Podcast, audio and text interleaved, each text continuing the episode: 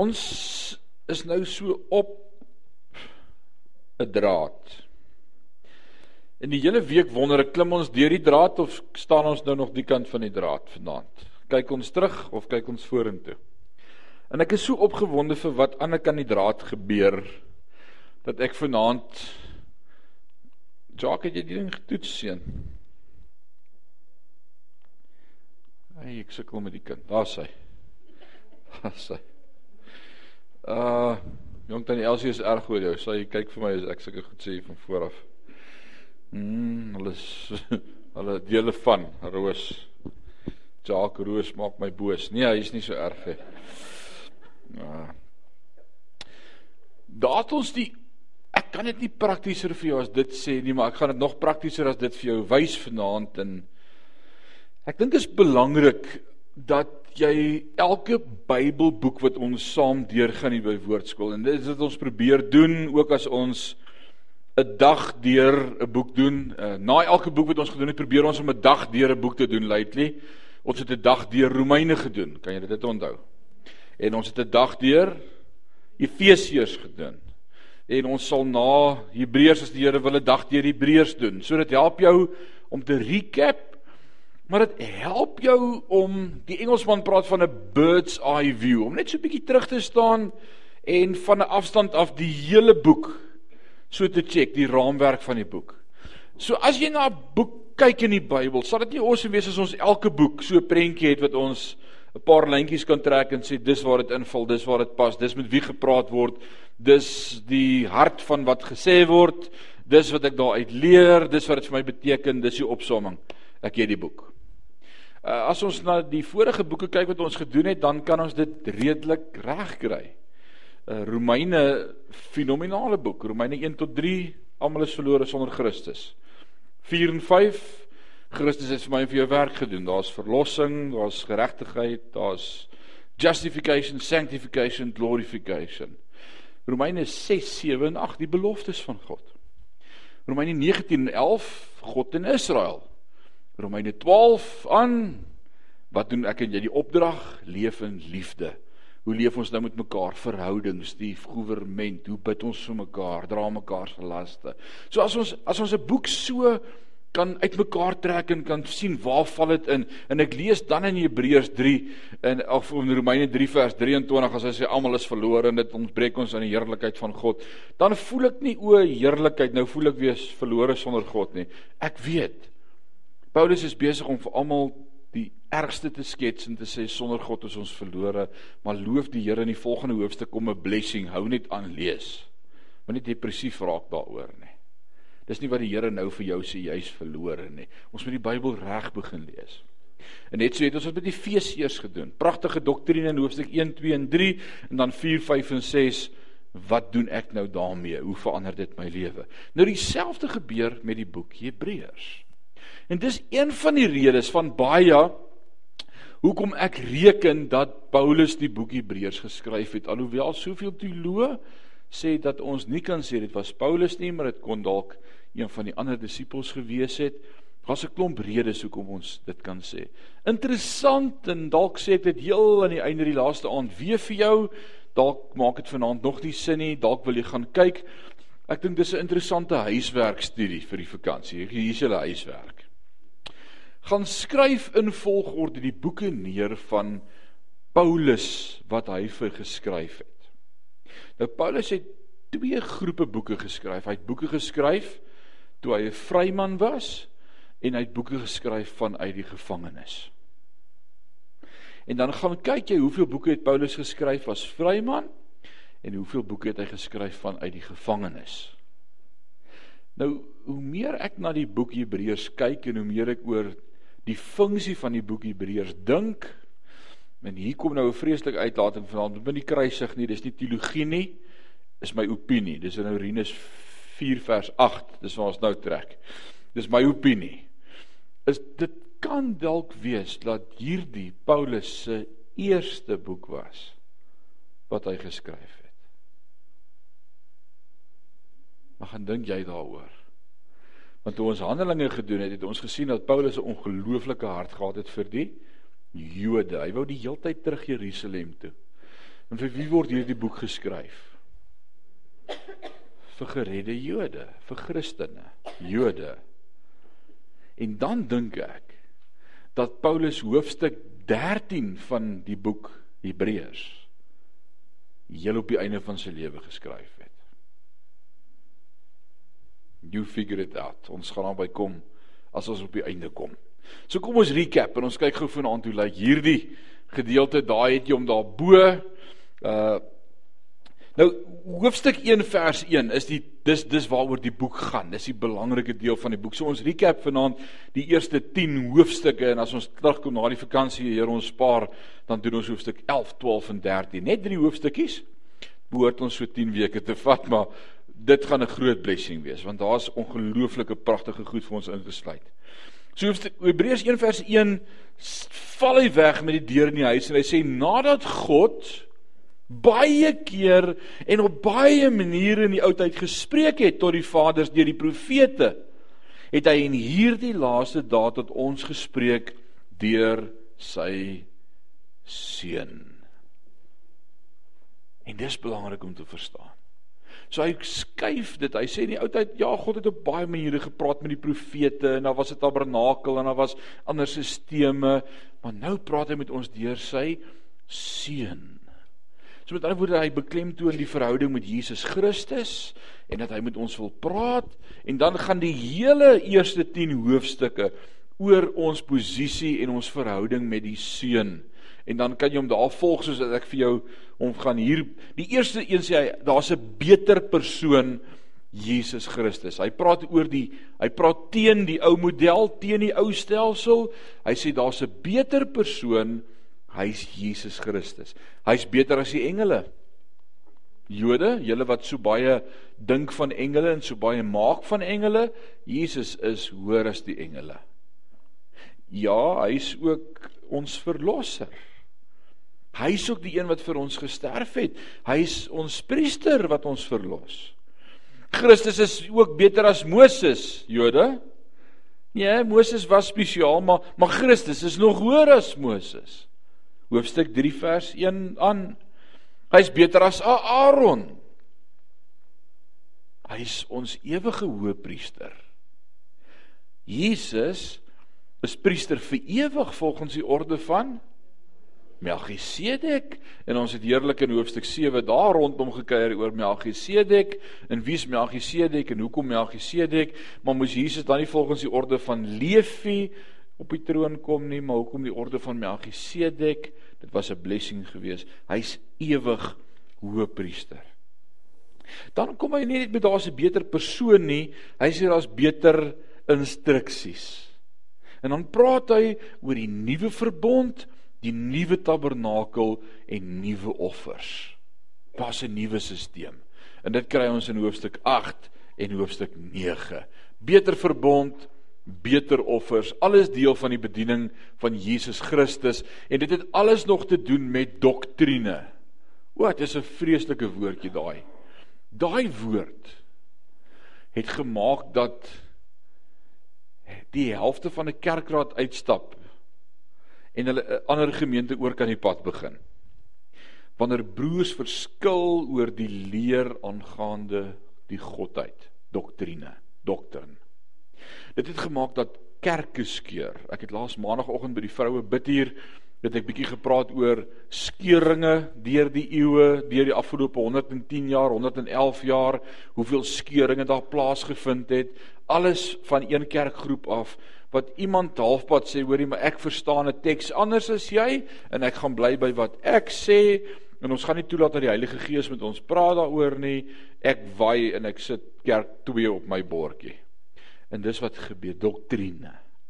So dis belangrik dat as ons in die woord van die Here is dat die Here ons help dat ons sy woord sal sien en nie ons opinies daarin sal soek nie. As ons ons opinies in die boek soek, dan is dit wanneer ek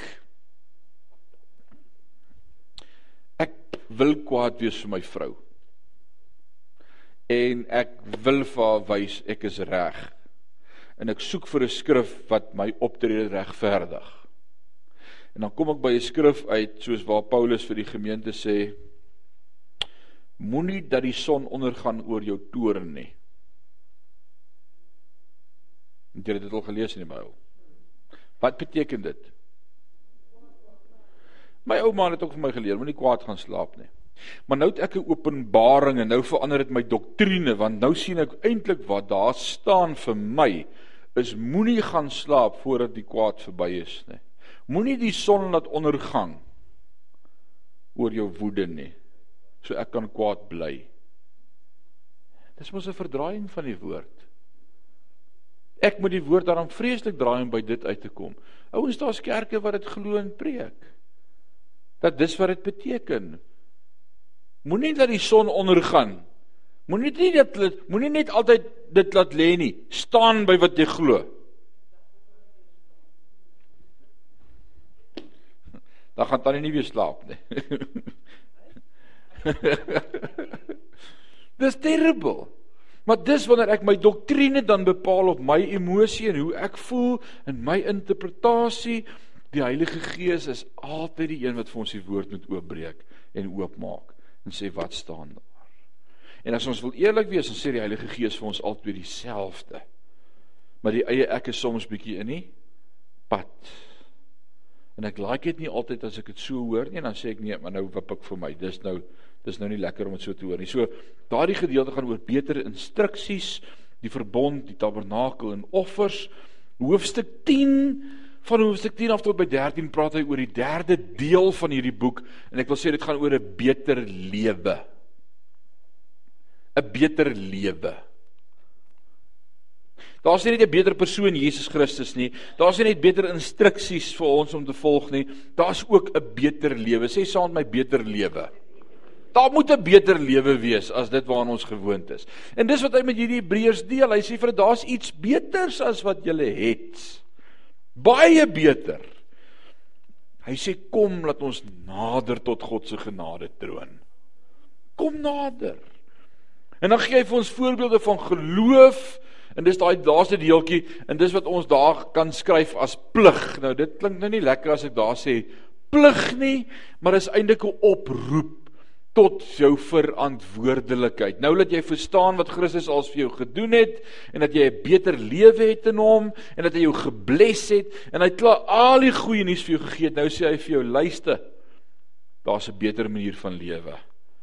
Pas nou hierdie goed toe in jou lewe en verander.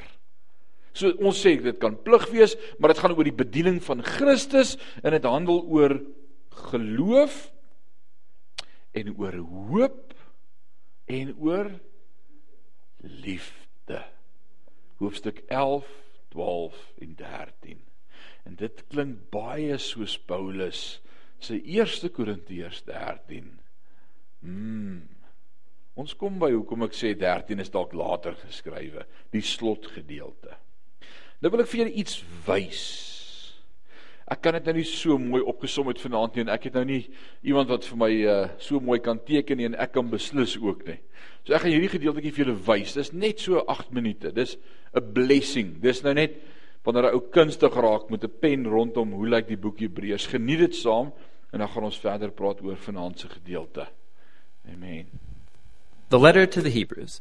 The author of this letter is anonymous, and people have wondered for a long time whether Paul wrote it or maybe one of his co workers like Barnabas or Apollos, but really we just don't know.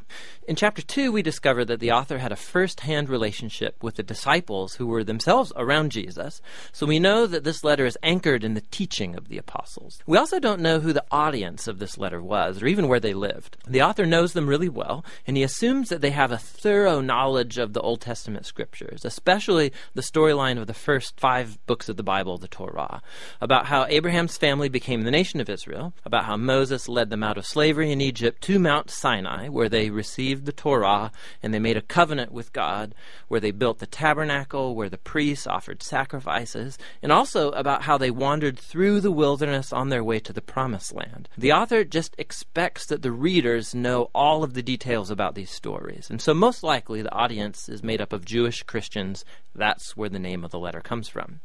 We also have clues from chapter 10 that this church community was facing persecution and even imprisonment because of their association with Jesus. Some in the community were walking away from Jesus and abandoning the faith altogether.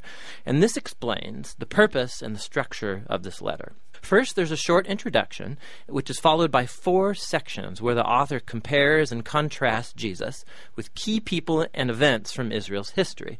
Jesus is first compared with angels in the Torah, second, with Moses and the Promised Land, third, with priests and Melchizedek, and lastly, with the sacrifices in the covenant. And the author has two main goals in all of these contrasts. The first goal is to elevate Jesus as superior to anyone or anything else, showing that Jesus is worthy of all their trust and devotion. But his second goal is this it's to challenge the readers to remain faithful to Jesus despite persecution. So in every section, he includes a strong warning not to abandon Jesus. So let's dive in now and see how this all unfolds. The elevation of Jesus begins in the opening sentence of the introduction. In the past, God spoke to our ancestors in many different ways, but in these last days, He has spoken to us in His Son. So the author's saying that Jesus is superior to all of the previous ways that God has revealed Himself to Israel.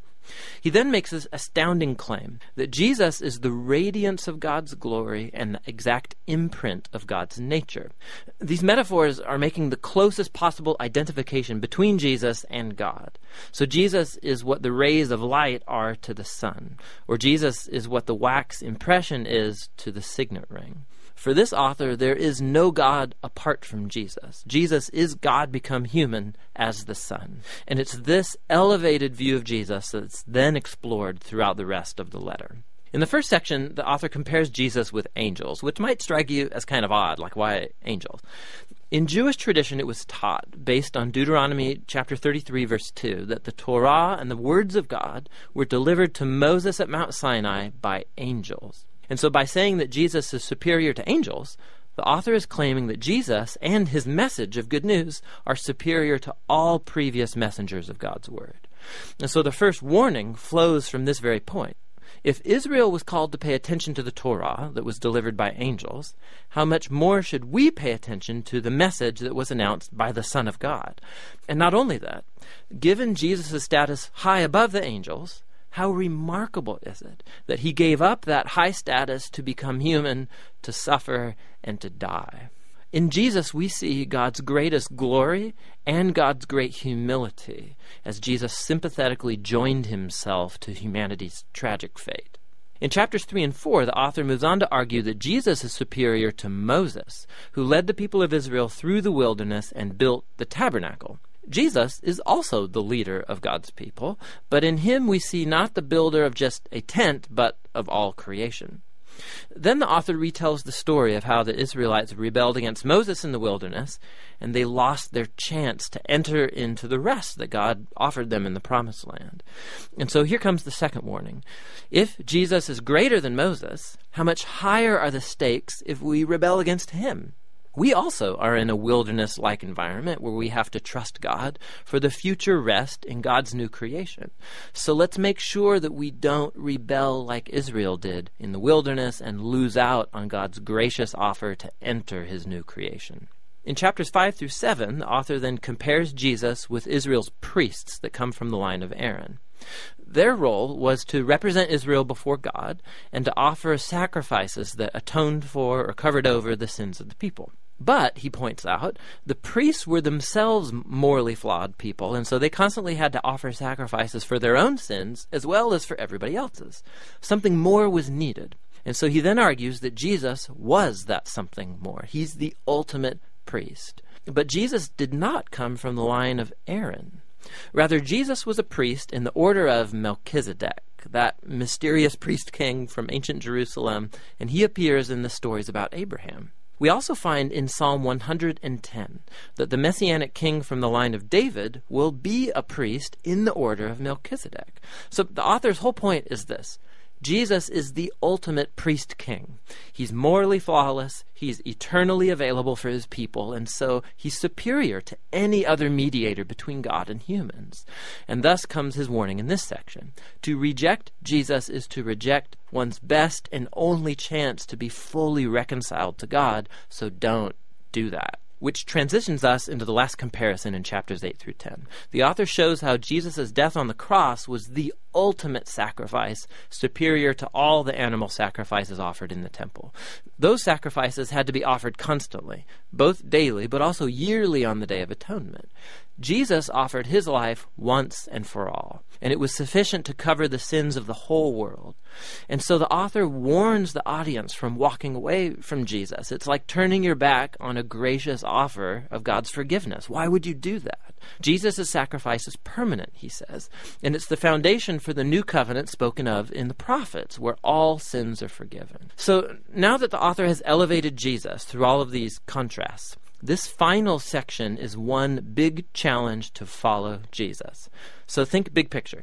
In Jesus, they have found God's very word. In Jesus, they have hope for the new creation. Jesus is their eternal priest. He's the perfect sacrifice. And so now they should follow all the great models of faith found throughout the story of the scriptures, and they should remain faithful to Jesus, trusting that despite whatever hardship and persecution, God will not abandon his people. That's the basic flow of thought throughout the letter, which the author calls right here at the very end a brief word of exhortation. Here's a couple of extra tips for reading this letter. Whenever the author quotes from the Old Testament scriptures, which is like every other sentence, stop and go look up the reference and read that quotation in its original context. And sometimes you'll be puzzled, but more often you'll see all kinds of extra cool connections that you would never notice otherwise. It's totally worth the effort. You should also just know that these warning passages they're going to make you uncomfortable, and that's kind of the point. They're not there to make you afraid. They're there to show you that rejecting Jesus is foolish because he's so awesome. These warnings all serve the larger purpose of the letter to show that Jesus is the ultimate revelation of God's love and mercy. And that's what the letter of the Hebrews is all about. Amen. Is dit nie 'n mond nie? 8 minute flat. Awesome. Ek haal my hoed af vir hom, maar en is teologies korrek kom hom. Beautiful. So as jy 'n koppie van daardie video wil hê, WhatsApp my, dan stuur ek hom vir jou. Dis reg, hy is beskikbaar en gratis en verniet, maar ek dink dis 'n blessing. En daaroor is 'n bird's eye view van die boek Hebreërs. Nou vir julle wat volgende kwartaal terugkom, jy sal so papier by my kry gelamineer soos ek aan die elke van elke boek vir jou iets gee, dis Hebreërs van daai. Sodat jy sien waar pas wat in. Jackie it's awesome, né? Just practical. Practical. Dit is net so maklik. Wat vir my mooi is is hoe hy die waarskuwings benader en praat oor die na waarskuwings. Dit is nie iets om voor bang te wees nie. Maar dis asof Jesus elke keer sê Jy gaan dom wees as jy dit nie vat nie. Christus is die prys. So vanaand wil ek klaar met jou kyk in hierdie laaste gedeelte van hoofstuk 10. Ons het laasweek daaroor gepraat en laasweek daaroor begin gesels. Dis die laaste week. Daar's ons is nou by 10. Gaan ons vanaand klaar maak sodat ons dan met 11 kan begin as die Here wil as ons terugkom. En dan wil ek so 'n paar vrae vra as ons klaar is met hierdie gedeelte. Daar's 'n paar goed wat die outeur van hierdie boek vir ons skryf in hoofstuk 10 uh, eh, van vers 19 af. Want van vers 19 af deel hy nou met die entiteit van die kerk. Dis die eerste keer in hierdie boek dat hy nou nie meer praat met die groter groep of met die groter skare of met die volk of met Israel nie. Nou praat hy met kerk want hoor wat sê hy van vers 19 af terwyl ons dan broeders vrymoedigheid het om in die heiligdom in te gaan deur die bloed van Jesus. Nou wie gaan in die heiligheid in deur die bloed van Jesus? Kerk. Dis waaroor kerk gaan. Ons was verlore, ons is gered deur genade, ons verstaan ons posisie in Christus, ons kom saam, ons het vrymoedigheid. Hy sê vers 20 op die nuwe en lewende weg. So hy praat teenoor die ou manier, is daar 'n beter manier. Daar's 'n nuwe en lewende weg wat hy vir ons ingewy het deur die voorhangsel heen. Dit is sy vlees en ons 'n groot priester oor die huis van God het. Hy sê terwyl ons dan hierdie groot blessing het met die bloed van Christus wat vir ons die weg gebaan het en die voorhangsel wat geskeur is deur sy vlees of dit is sy vlees. En nou verstaan ons 'n ding, wat het gebeur terwyl Jesus op die kruis hang daar in die tempel met die voorhangsel? Hy skeur middeldeur van onder na bo. Nee, van bo na onder, né? 6 duim dik gewefde wol voorhangsel skeer van bo na onder. En nou sê die Hebreërs skrywer vir my iets wat amazing is want ek het dit nooit bymekaar gebring nie want ek het gedink aan die liggaam van Christus op die kruis wat vir my gebreek is en gesny is en geskeur is soos die brood soos die nagmaal. Toe hy vir sy disippels gesê het in Johannes 13 neem eet dit is my liggaam wat vir julle gebreek word En nou sê die Hebreërs skrywer, die voorhangsel wat geskeur is, was die vlees van Christus. En hy bring die voorhangsel en die liggaam van Christus bymekaar. En hy sê nou dat ek geskeur is, nou kan jy God se heerlikheid beleef. Ek het die prys betaal. Wow! Johannes is dit beautiful nie? Dis omdat Jesus vir my die prys betaal het aan die kruis dat ek en jy na God kan nader. Omdat hy vir my geword het sonde sodat ek kan wees die geregtigheid van Christus. Hy het met my plekke geruil. En nou skryf die Hebreërs skrywer hy sê dit was sy vlees gewees. Laat ons nou kom vers 22 en in hierdie volgende 2 3 4 25 vier versies is daar vier dinge wat hy vir my en vir jou nou sê wat ons moet doen nou dat ons verstaan wie ons is in Christus, wat hy vir ons gedoen het, wat die bloed van Christus vir ons bewerk het, die voorhangsel wat geskeur is, ons het die heerlikheid by die Vader. Wat moet ek nou doen as ek hierdie goed verstaan? Vier goed. Eerste een. Laat ons toetree met 'n verragtige hart in volle geloofs versekerheid. Moenie nou nog steeds daar buite bly en ver bly en nie God kom soek nie. Want dat jy kan hom kry. Moenie eenkant staan nie. Kom. Sê saam met my kom. Dis die eerste opdrag, dis wat ons moet doen. Wat moet jy doen dat jy verstaan nou dat jy verstaan hoe awesome werk God vir ons? Hy sê kom net. Kom net. Ons gaan nou daaroor praat. Dan die die volgende ding wat hy vir ons sê in vers 22, uh die harte deur besprinkeling gereinig van 'n slegte gewete. Nou wat was die besprenkeling? Waarvan dui dit? Die bloed wat besprinkel is met die hisoptakkie, versoendeksel, allerheiligste Maar hy sê hierdie was vir die reiniging van ons slegte gewete, so dit kon nie die voorhang, dit kon nie in die ou bedeling gewees het met die bloed van die diere nie, want hy het gesê vroeër in Hebreërs, daai bloed kon nie 'n gewete wegvat nie. Dit was net uitstel. Maar wie reinig ons van 'n slegte gewete? Die bloed van Jesus Christus. So geloof, die bloed van Jesus en die liggaam gewas met rein water. Wat dink julle waarna waar waarop sin speel die skrywer hier. Mm, hy praat iets dalk van die doop. Baie pragtig. Nou wat sê hy? Hy sê in vers 23, wat moet ons nog doen? Laat ons die belydenis van die hoop onwankelbaar vashou want hy wat dit beloof het is getrou. So ons moet die belydenis vashou. Ons moenie langs die pad moeg word nie. Ons moet aanhou stry. Wat moet ons nog doen? En laat ons op mekaar ag gee om tot liefde en goeie werke aan te spoor. Hmm, dis 'n belangrike ene. Ons gaan nou daaroor praat. En wat moet ons nog doen? laat ons nie die onderlinge byeenkomste versuim of afskeep so sommiges die gewoontes het nie, maar laat ons mekaar vermaan en dit des te meer na mate jy die dag sien nader kom. So hier kom hy met 4 punte wat ek en jy moet doen. Maar nou kan jy vir my sê maar word dit nou alweer werke? Dion. Hier's nou alweer 'n hier's nou alweer 'n klomp do's. Word dit nou weer werke? Is is nadat ek genade verstaan en geregtigheid in Christus en die werk wat hy gedoen het en nie ek nie nou word dit maar net weer werke op die einde. Is dit nie so nie? Dit lyk so, né? Dan wil ek vir jou sê dis presies dieselfde wat Jakobus vir ons kom skryf in Jakobus hoofstuk 2.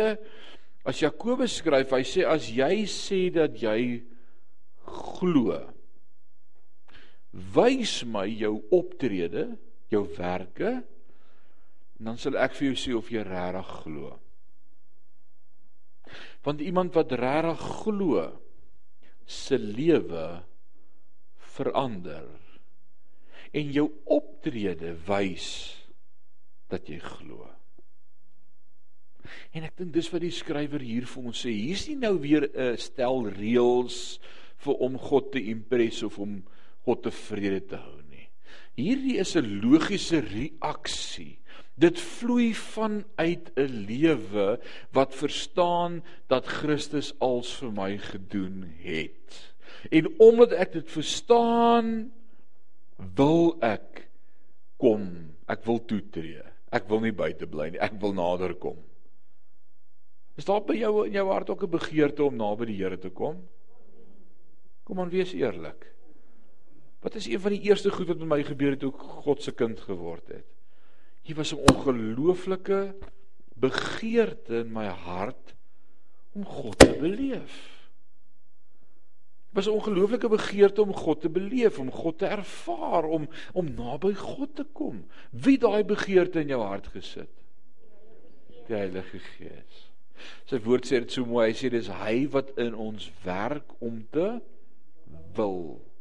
Romeine 3 vers 11 en 12 sê niemand van ons soek God nie, nie een soek God nie. By default wil ons nie naby die Here kom nie. Wat doen Adam en Eva toe hulle die kans kry? Hulle gaan kruip weg.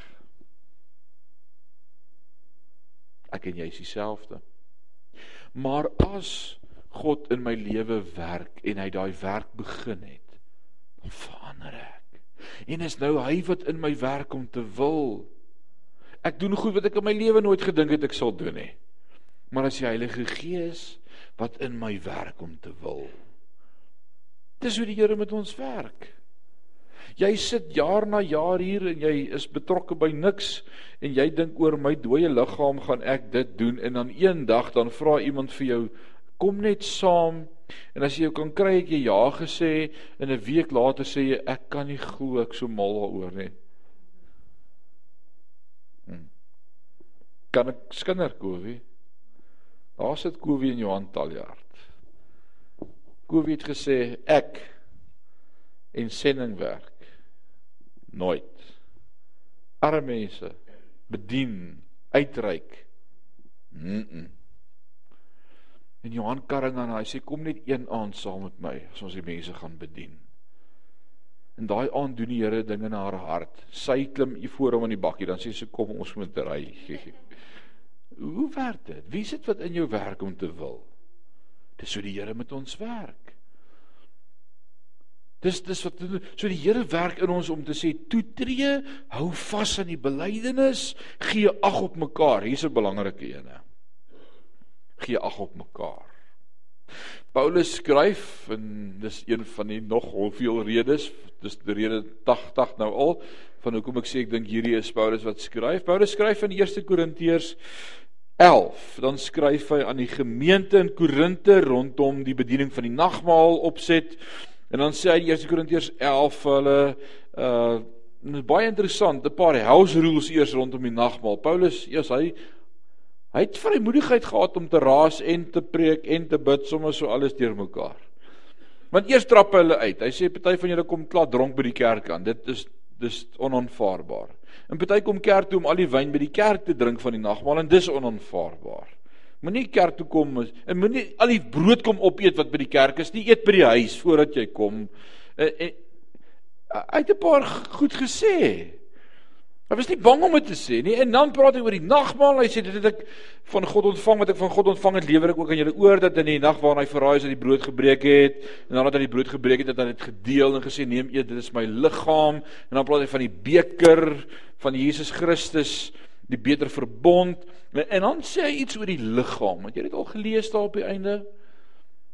Hy sê want as jy op onwaardige wyse eet of drink, eet of drink jy 'n oordeel oor jouself. Hoekom? Omdat jy nie die liggaam onderskei nie. Is dit wat die woord daar sê? Dis my Bybel sê dit so.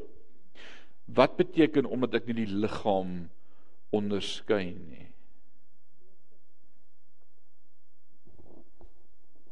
Hier's Ronnie. Ek skaat vir Ronnie want ek was laasweek by Dolkou en ek het ligte gaan koop en hy wou my nie afslag gee nie, maar hy's 'n Christen broer, hy noem homself 'n Christen, né? Kyk, ons kan ons vreeslik ons o, ons kan onsself vreeslik jammer kry. Hy noem homself 'n Christen, maar gaan doen besigheid met hom, né? En nou sit Ronnie Sondag hier en is nagmaal en ek vat my broodjie en ek draai my rug op hom. Ek sê so ek so bly ek is gered en ek gaan hemel toe en die Here het vir my gesterf van die kruis. Dit is so awesome. Ja, ek weet nie van Ronnie nie. Maar verstaan Die Here sê, hey, jy kan nie dit doen nie. Hierdie ouetjie is deel van die liggaam. Here moet julle nonsens los met mekaar. Julle is deel van een liggaam en as jy nie die liggaam onderskei nie, dan eet en drink jy oordeel oor jouself. Want waarvoor het Christus dan gekom? Vir die liggaam. Vir almal wat tot God bekeer is. Hy het homself vir elkeen gegee, vir die slegte ou en vir die slegte ou want niemand van ons is mos goed nie net jy dink jy is goed niemand om jou dink jy is goed nie woord van die Here sê ons is almal ewe sleg en daarom sê ons onderskei nie die liggaam nie en dan kom hy en dan dis dieselfde ou wat hier skryf en hy sê ons moet ag gee op mekaar met liefde en goeie werke ons moet mekaar lief hê In Korintiërs 13, geloof, hoop, liefde, maar die grootste hiervan is die liefde. Romeine 12. Met mekaar lief hê. Laat die een die ander een voorgaan. Moenie meer van jouself dink as wat jy behoef te of behoort te dink nie, maar gee meer ag op die ander een. Nee, stap jy eerste, nee, stap jy eerste. Hê respek vir mekaar, wees lief vir mekaar. Dis die boodskap, dis die optrede, dis wat gebeur as ek verstaan dis dieselfde Christus wat my gered het wat jou gered het. Hey, as die Here jou liefhet, stap jy eerste. Wie van julle het gehoor van Justice Chungu? Het hom geken? Ja, radio pulpit, radio pulpit al die jare gewees op Justice. Hy het met blanke ouers groot geword in die huis, het hom groot gemaak. Men Justice sê Julle Suid-Afrikaners het 'n weird kultuur om te sê ladies first.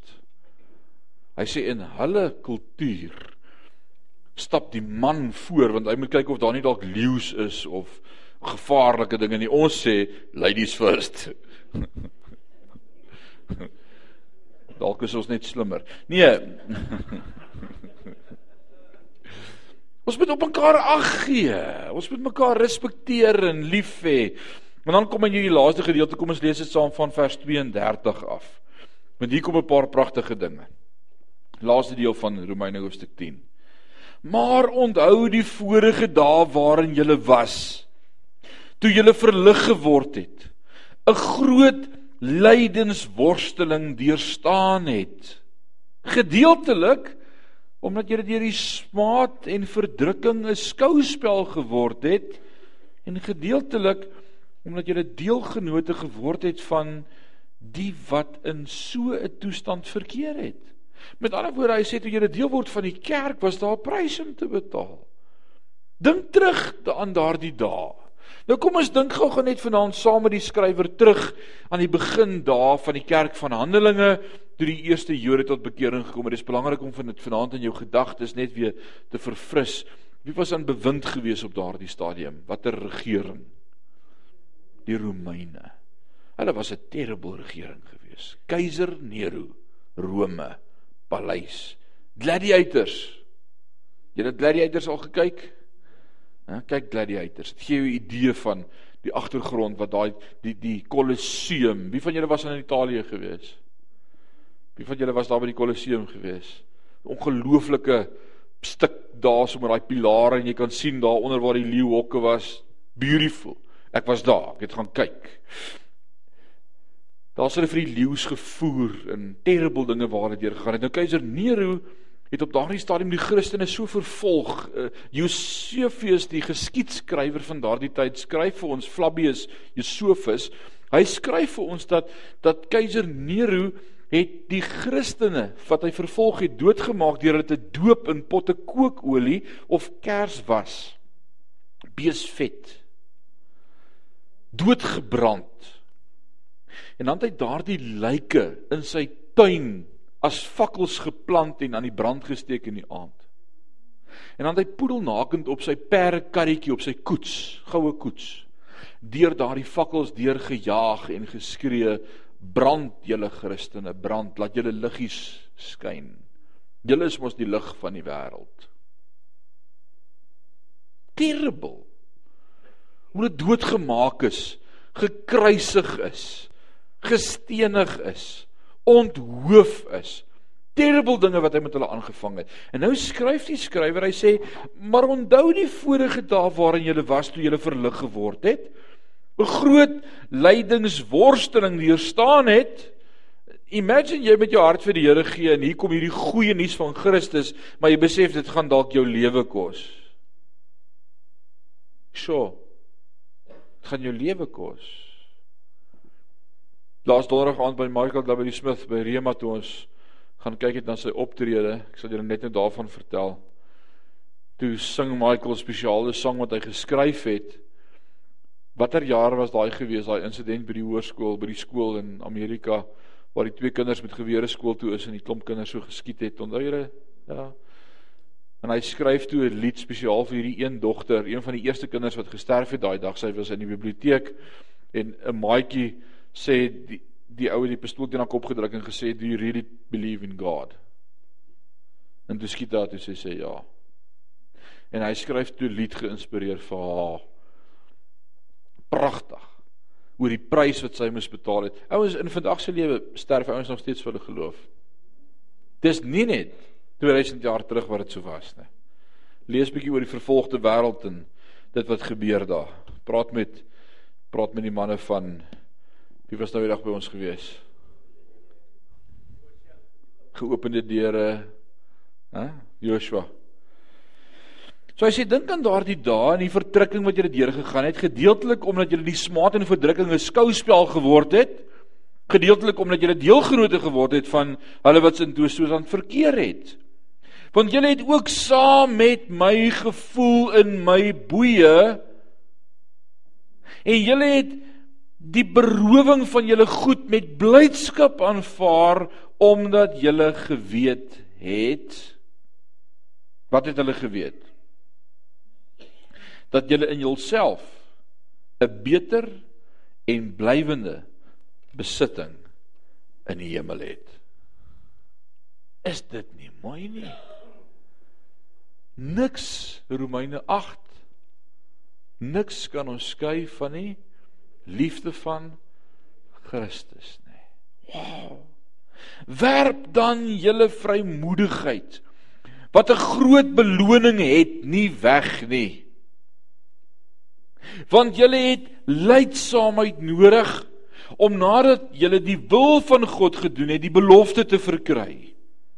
Want nog 'n klein tydjie en hy wat kom sal kom en nie versuim nie maar die regverdige sal uit die geloof lewe. En as hy hom onttrek, het my siel geen welbehae in hom nie. Maar by ons is daar geen onttrekking tot verderf nie, maar geloof tot behoud van die lewe. Pragtige gedeelte hierdie vanaand. Nou wil ek gou vir jou vra, as jy so ver na daai prentjie kyk van Hebreërs daar en ons gaan probeer om iets te doen met daai inligting. Ons gaan nog so 'n bietjie meer terug staan en ons gaan kyk in konteks van die hele Nuwe Testament. En dan wil ek hê jy moet vanaand vir my sê, wat is die boodskap van die boek Hebreërs in een sin?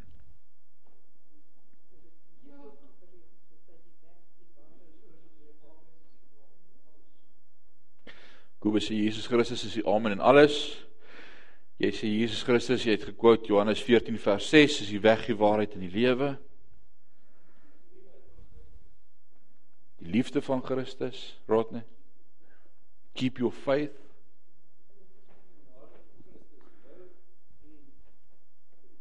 God se genade, dan Irene. Jesus is die beste daar's 'n beter verbond. Volhard en ontvang wat God beloof het. Dani? Amen. Wat sê jy? Moenie bang wees om in Jesus te glo nie. Wat sê julle nog? Louis, wat sê jy? Sela. Kom ons sit skrif. Kom ons kyk by wat is die storie van die Nuwe Testament? Pas dit in by wat Hebreërs vir ons hier sê en wat ons leer. Johannes 3:16 sê want so lief het God die wêreld gehad dat hy sy enige gebore seun gegee het sodat elkeen wat in hom glo nie verlore sal gaan nie maar die ewige lewe kan hê. Is dit waar daar staan? Is dit die storie van Hebreërs? Johannes 1 vers 1 in die begin was die woord en die woord was woord was God en die woord was by God. En die woord sê vers 11 sê en die woord het vlees geword. Tabern, hy het onder ons kom tabernakel, kom tent opslaan, kom woon. En hy het onder ons kom woon. Sodat ons wat in hom glo nie verlore hoef te gaan nie, maar die ewige lewe kan. Daai boek sê net vir my genade. Dis een woord, genade. Ek kan dit nie verdien nie. Ek kan nie vir dit werk nie. Pas dit in by die res van die storie van die Nuwe Testament? Is dit die storie van die Nuwe Testament of is daar 'n ander storie? Daar's een storie. Verstaan hoe lief God jou het En as jy dit verstaan, gaan jou lewe nooit weer dieselfde kan wees nie. Jou lewe gaan verander. Dis nie 'n stel reëls om God te impress nie. Dis nie 'n stel dinge van wat jou gaan hel toe vat nie. Daar's net een sonde wat jou hel toe vat en dis wanneer jy jou hart verhard en nie glo in Christus nie. Ongeloof. Want Jesus sê as jy glo, sal jy gered Johannes 10 sê Jesus so mooi sê almal wat aan my behoort is in die holte van my hand en ek hou hulle vas en niks kan hulle daar uitdruk nie. Wow. As jy glo, sal jy gered word. Jesus sê hy wat die seun het, het die lewe. Hoe kry ons die seun? Geloof. Ek kan niks doen om dit te verdien nie. Ek kan nie vanaand 'n goeie mens probeer wees nie. Ek kan nie God probeer impress nie. Maar as ek die boodskap aanvaar van genade en verlossing en sy groot liefde vir my en ek verstaan dit en ek snap dit, dan sê die skrywer en dis wat elke boek in die Nuwe Testament vir my en vir jou kom sê, dan verander jou lewe. En dis wat Jakobus sê in Jakobus 2. Hy sê jy sê jy's lief vir die Here en die Here het jou lewe verander en jy verstaan genade. Wys my wat jy doen dan sal ek sê of jy dit verstaan of nie. Hy sê o nee, ek doen niks van is nie werke nie. Ek sit by die huis, ek gaan nie kerk toe nie. Ek gee niks vir die werk van die Here nie. Ek praat nie met hom nie, ek hou nie stilte tyd nie. Dis mos nie werke nie, dis genade. Dan sê Jakobus dan verstaan jy nie genade nie. Want omdat hy hierdie groot ding vir my gedoen het, het ek my lewe as 'n slaaf, wat is daai mooi Griekse woordjie Tom vir slaaf? Doulos. Het ek my lewe as 'n doulos prys gegee en gesê nie my wil nie, my u wil. Is jy 'n slaaf van Christus? Of is jy in beheer van jou lewe? Of sing jy saam met Frank Sinatra? I'll do it my way. En ek moet nie vir Frank so aftrek nie, want ek's mal oor sy musiek, maar ek seker dit gaan so oor die PA system in die hel speel eendag. Want die enigste manier hoe jy God se koninkryk kan misloop is wanneer jy volhard in jou eie weg en sê ek sal dit op my manier doen. God se boodskap vanaand in elke boek wat ons gedoen het, in elke boek in die Nuwe Testament. And by the way, ek wil vir jou sê as ons nou so 'n bietjie gaan reverse en dalk ek wens ons kan elke aand woordskool doen. Mm. Dalk sommer in die week se aand bietjie Ou Testament ook vat. Want weet jy wat sien ek in my persoonlike lewe as ek in die Ou Testament blaai raak? Genade. Van die begin af. Genade. En Adam en Eva jaag aan. God sê moenie worry nie, ek slag 'n bokkie en ek maak vir julle klere en ek maak 'n plan. Moenie worry nie, ek gaan my seun stuur. Hou net aan glo. Jy gaan met hard werk en bietjie sweet, jy gaan bietjie huil as jy geboorteskenk. Hou net vas. Ek gaan 'n plan maak. Daar's 'n plan op pad. Ek gaan dit vir julle uitsort. Glo net. Hulle het geloof verloor, afvallig geraak, sonde gedoen, dronk geraak, oorspel gepleeg, terrible dinge gedoen, teen God gedraai. Elke keer kom God en dan sê hy, ek gaan vir hulle met genade wys. Was Noag regtig so oulike ou gewees? Hoe het hy geweet hoe om wyn te maak? Die eerste ding wat hy doen toe hy aan wal kom is hy maak wyn. En hy raak so gesyp dat hy agteroor val en vas in die slaap lê sonder klere aan. God sê se man wat verstaan het uit my Noag, is oukei okay, Noag. Ek gaan my seun stuur, is oukei. Okay. O, oh, die Israeliete sit vir 400 jaar in slawerny. Hulle werk vir die Egiptenare hard. God hoor hulle geroep. Hy sê julle verdien eintlik glad nie genade nie, maar ek gaan 'n profeet opwek, Moses. O, jy dink jy kan nie praat nie. OK, ek gaan help dat jy kan praat ook. Maak 'n plan vir hulle. Hy lei hulle uit. God voorsien vir hulle. Hulle is ver van hom af. Hulle is in die woestyn elke dag die vuurkolom en die wolkkolom oor hulle God bewys sy nabyheid aan hulle, sy teenwoordigheid met hulle. Hulle moan en murmureer en moan en groan en verlang terug na die knoffel en die prui van Egipte en die vleispotte en en hulle klere sluit nie en hulle het nie honger nie en hulle is nie dors nie en God voorsien vir hulle. En dan sê God, "Oké, okay, ek sal nog nader kom aan julle. Ek gaan ek gaan vir vir Moses 'n plan gee vir die tabernakel. Julle verdien dit nie, maar ek wil by julle, ek wil onder julle kom woon. Ek gaan my tent letterlik kom opslaan tussen julle in die laar. Dan kan julle met my kom chat en en dit hoef nie oor jou te gaan nie, bring net bring net 'n offer. Bring 'n bul of bring 'n koei en o, o jy het nie, okay, goed. Uh, bring bring 'n bok. O jy het nie 'n bok nie. Jo, bring bring 'n skaap. Bring sommer net 'n duif, kom net man. Kom net. Bring sommer 'n duif. Kom net nader. Maar het God nie gesoek nie. Dis die boodskap van die Bybel. Daar's een storie. God wil met jou connect. Dis nie 'n ander storie vanaand nie. Want dis awesome as jy die Bybel begin lees van voor tot agter en jy maak nie saak watter Bybelboek jy oopmaak nie. As jy so terug staan en kyk na die Bybelboek dan is daar net een woord wat so geskryf staan en dit is genade. Dat ons vanaand in Parys hieroor mag praat en God mag beleef en mag ervaar en mag hoor hoe hy aan ons harte klop en mag agterkom hoe ons lewens verander. O, oh, dis genade. God het ons so oneindig lief. En dan wil ek een ding vanaand echo saam met die skrywers van die Nuwe Testament en die Ou Testament. In die Ou Testament roep die profete uit en dan sê hulle: "Vandag as jy God se stem hoor, moenie jou hart verhard nie, maar kom dat ons die saak kan uitmaak. Al was jou sonde soos skarlaken, ek sal dit wit maak soos sneeu." In die Nuwe Testament ego die skrywers dieselfde uit kom nader. Moenie jou hart hard maak nie. Soek God terwyl hy te vind is. Kom praat met die Here oor jou issues. Moenie ver bly nie. Praat met God.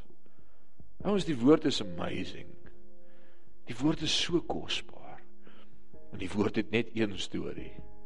God is liefde.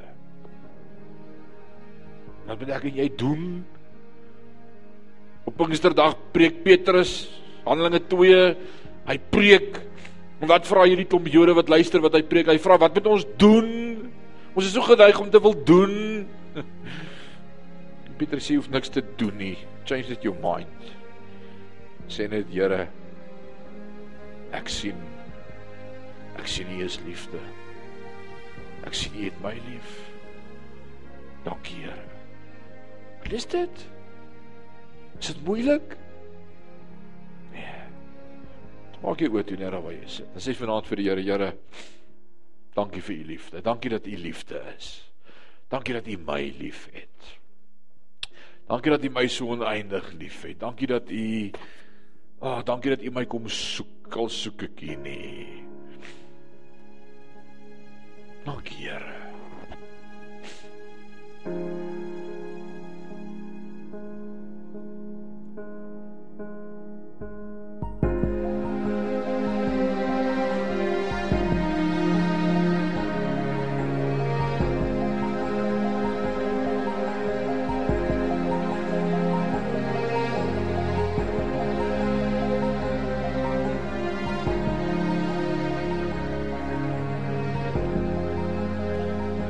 Vader, ons wil vanaand vir U dankie sê vir U oneindige liefde vir ons.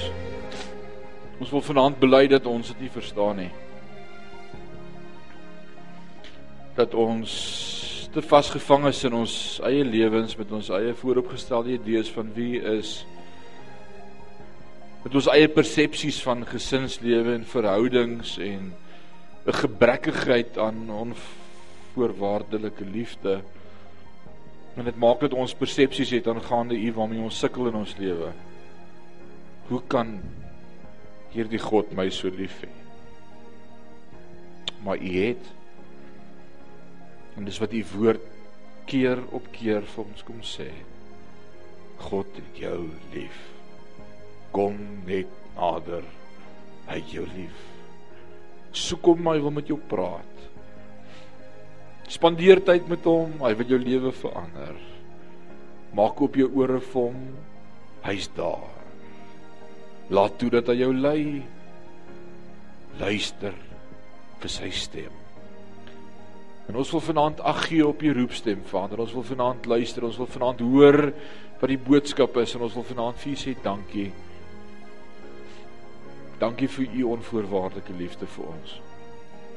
Dankie dat u woord so stukkie vir stukkie skreefie vir skreefie vir ons oopgemaak word en ons net die hart van God mag raak sien. God is liefde. God is liefde. Ek wil bid dat hierdie boodskap deur hierdie tyd van rus wat voorlê vir ons in ons harte sal brand en brandend bly. God se liefde is oneindig. En ons wat ver van U af voel, Ons wat voel asof daar dinge is wat ons skei van die liefde. Paulus kom in Romeine 8 en hy sê niks sal jou skei van die liefde van Christus nie. Nie hoogte of diepte of honger of naak of gevaar of swaard bose magtig owerhede engele diepte niks kan jou skei van die liefde van Christus nie. En as daar vanaand van ons sit hier wat ver voel van U af, dankie dat ons nie gelei word deur emosie nie. Maar dankie dat ons genaamd gelei word deur die Gees van God en deur die woord van God. En daarom is geloof belangrik. Wat glo ek? En ek glo vanaand U is naby my. Want die woord sê so. Die woord sê sal jou nooit begewe en jou nooit verlaat nie. Nooit. Dankie dat U met ons is. Hou ons vas in die holte van U hand. Maak ons bewus van U. Mag ons 'n goddelike bewustheid kry van God se teenwoordigheid elke dag in ons lewe. Wat met ons wil praat, net soos met Adam en Eva in die aandwentjie. U hart het nog nooit verander vir ons nie. Dis ons wat verander het. Dankie vir u liefde. Dankie vir hierdie kosbare geleenthede, die onderlinge byeenkomste en dat u awesome woord met ons share en hierdie wonderlike tye van verkoeking in die teenwoordigheid. Ek wil vanaand opnuut vir u kom dankie sê vir woordskool en vir elkeen wat hier is en eh, dis net 'n blessing. Dis 'n groot blessing om om net sommer saam tyd in fellowship te spandeer en mekaar te stig en ah Here, dis sommer net awesome. Dis kerk. Word verheerlik in en deur ons. Dis my gebed in Jesus naam. Amen. Amen.